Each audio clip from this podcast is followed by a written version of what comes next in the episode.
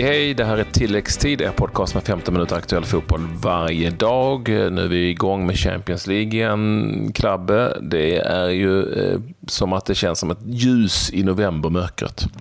ja, i, i ett eh, snöigt eh, Stockholm får vi väl säga. Det var det dags att börja skrapa rutor och eh, allt annat. Eh, elände. Men eh, härligt med lite Champions League-fotboll och lite annat smått och gott också i ligorna runt om i Europa.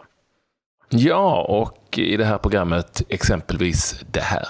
Sex lag nu klara för åttondelsfinal i Champions League.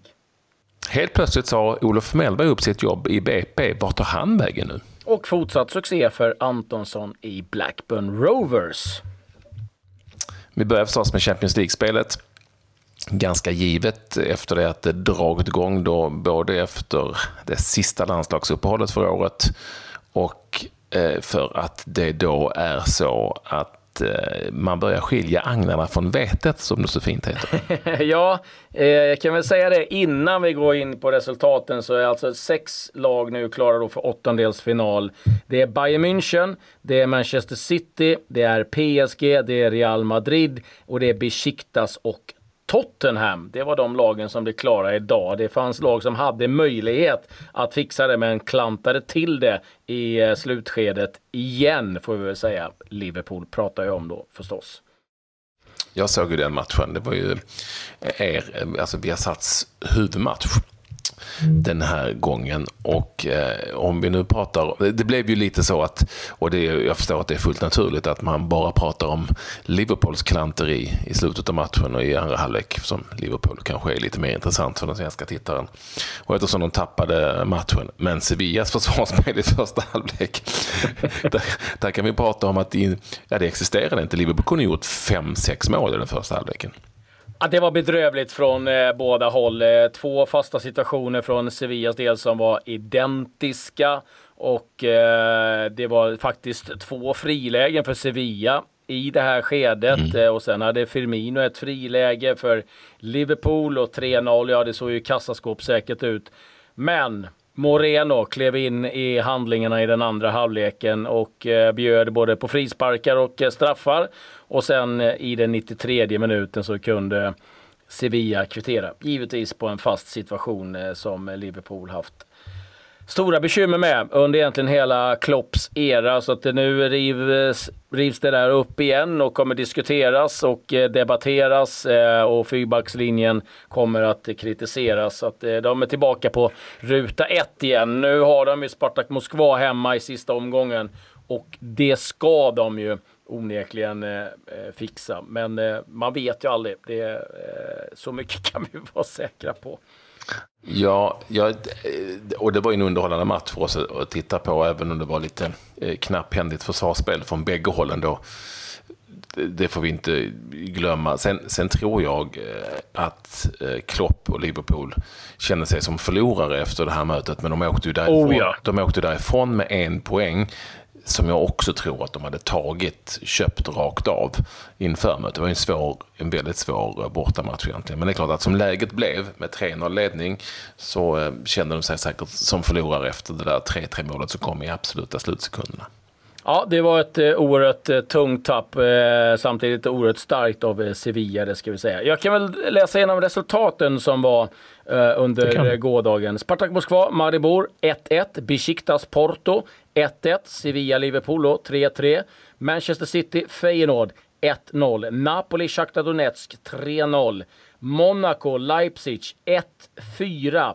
Apoel Real Madrid 0-6. Borussia Dortmund Tottenham 1-2. Där då Tottenham klara för avancemang. Och eh, Real Madrid måste vi nämna. Ronaldo hittade rätt. Benzema hittade rätt två gånger om. De har haft eh, riktig måltorka i ligaspelet. Faktiskt bara ett mål vardera Benzema och eh, Ronaldo.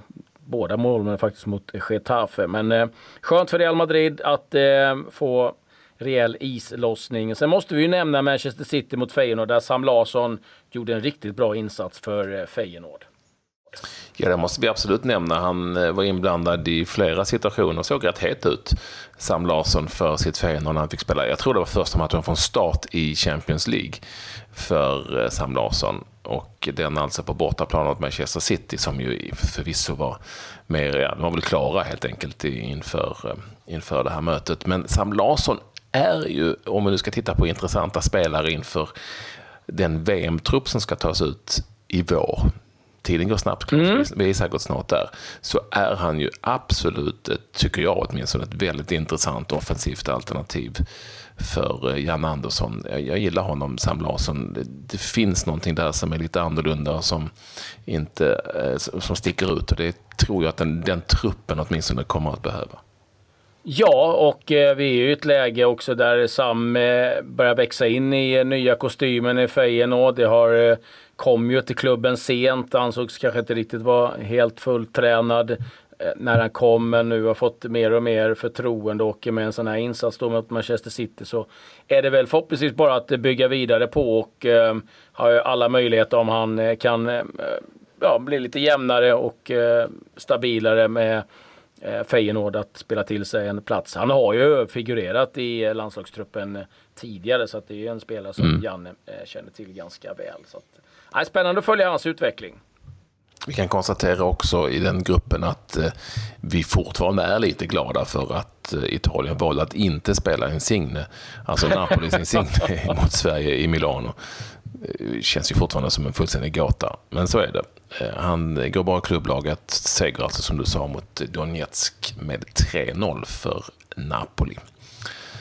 Eh, vi hade en svensk till i elden i Champions League-spelet och det var ju givetvis Foppa Forsberg som spelade från start för Leipzig som vann borta med 4-1 mot Monaco. Monaco går ju riktigt trögt i Europaspelet och bjöd dessutom Leipzig, det såg inte klokt ut när han eh, försvarsspelade. Heter han Jemerson? Var det han som... Jemerson, ja. självmålet ja. ja först, först ett självmål och sen så spelade han, det såg ut som en fri, fri spelning eh, direkt. Och så efter nio minuter så var det 2-0 till, eh, till eh, Red Bull-laget, eller Rasenballsport som de gärna vill kalla sig ibland också, eh, från Leipzig. RB står ja. för Rasenballsport eller inte. Ja, eller inte. Eh, ganska rätt mm. mycket inte. Men nu lämnar vi Champions League och eh, tittar lite på vad som har hänt hemma i Sverige. För det har eh, varit eh, rejäl omsättning på tränarstolarna får vi säga. Framförallt i, eh, ja, superettan och allsvenskan.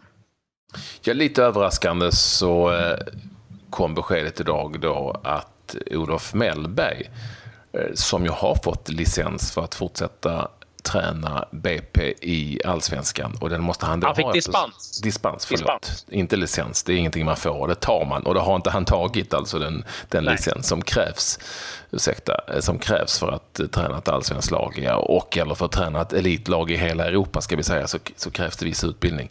Och den har inte Olof, men han fick ändå dispens. Och ändå så hoppar han alltså av sitt jobb i BP nu när hans polare och granne mer eller mindre Majstorovic har blivit sportchef. Den kom lite som en blixt från klar himmel.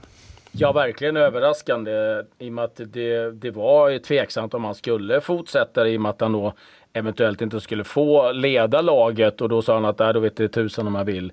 Fick dispensen och då kände man ja men då är det lite lugn och ro i eh, Brommapojkarna. Men det är bara till BP att, eh, och Majstorovic att leta ny tränare. Och ska säga även att eh, assisterande, alltså Rodin eh, Valentic, eh, Valentic också mm. lämnar. Och det är ju en kille som det har talats väldigt gott om. Så att det stort tapp för BP. Nu spekulerades det i Bartosz Gercelak eh, som är eh, assisterande i AIK, var ju tidigare i eh, Frej och är en tränare som omnämns med ganska stor respekt och en mm. spännande kille. Så det kan bli så att han tar över. Var ju faktiskt aktuell för Jönköping Södra. Då får de istället eh, sikta på ny tränare. Så det kommer bli en liten karusell här. Och sen eh, kan vi också meddela att Christian Järler nu är klar för Öster. Så att eh, Eh, Mattias Concha, vår kompis Pampen, har eh, gjort klart med ny tränare helt enkelt. Ja, som har varit aktuellt länge och eh, det har varit en hel del ont blod i Smålandsskogarna över att man plockade honom från Värnamo. I, eh, på spelarfronten AIKs Johan Blomberg sägs vara eh, mer eller mindre på väg till... Ja, det är klart. Det är, det är klart. klart. ja. Alltså till ja. eh, Anders Limpars gamla klubb. Inte Arsenal då, utan Colorado Rapids i den amerikanska ligan MLS. Mm, och eh, en spelare som går riktigt bra, det är Marcus Antonsson. Han gjorde mål eh, för Blackburn Rovers igen när de besegrade Oxford med eh, Pep Clotet som är tränare där. 4-2. Det var faktiskt så att han eh, nätade för tredje matchen i, eh, i följd. Så att eh, kul för Antonsson att eh, det går bra för honom och för Blackburn Rovers. Uh, kan det inte ha varit så att Antonsson var i Halmstad när Clotet var där? va? Det ska stämma det. Ja. Bör nästan, Sen, ja, men det bör nästan ha varit så. Eh, flest spelare som var igång i England eh, var eh, han som vi har i Bristol City. Jag var väl två där egentligen nu för tiden, men som ju inte har spelat allsvenskt under hösten, nämligen Niklas Eliasson som fick hoppa in i paus när Bristol City var i underläge med 1-0 mot Preston North End. Det blev dock förlust för Bristol City med 2-1, men Eliasson ja, mer eller mindre aktuell för spel hela tiden i Bristol City. Jag ska säga det att i Oxford spelartruppen finns Ivo Pokalski och Agon mm. Mete också som håller till i den där klubben.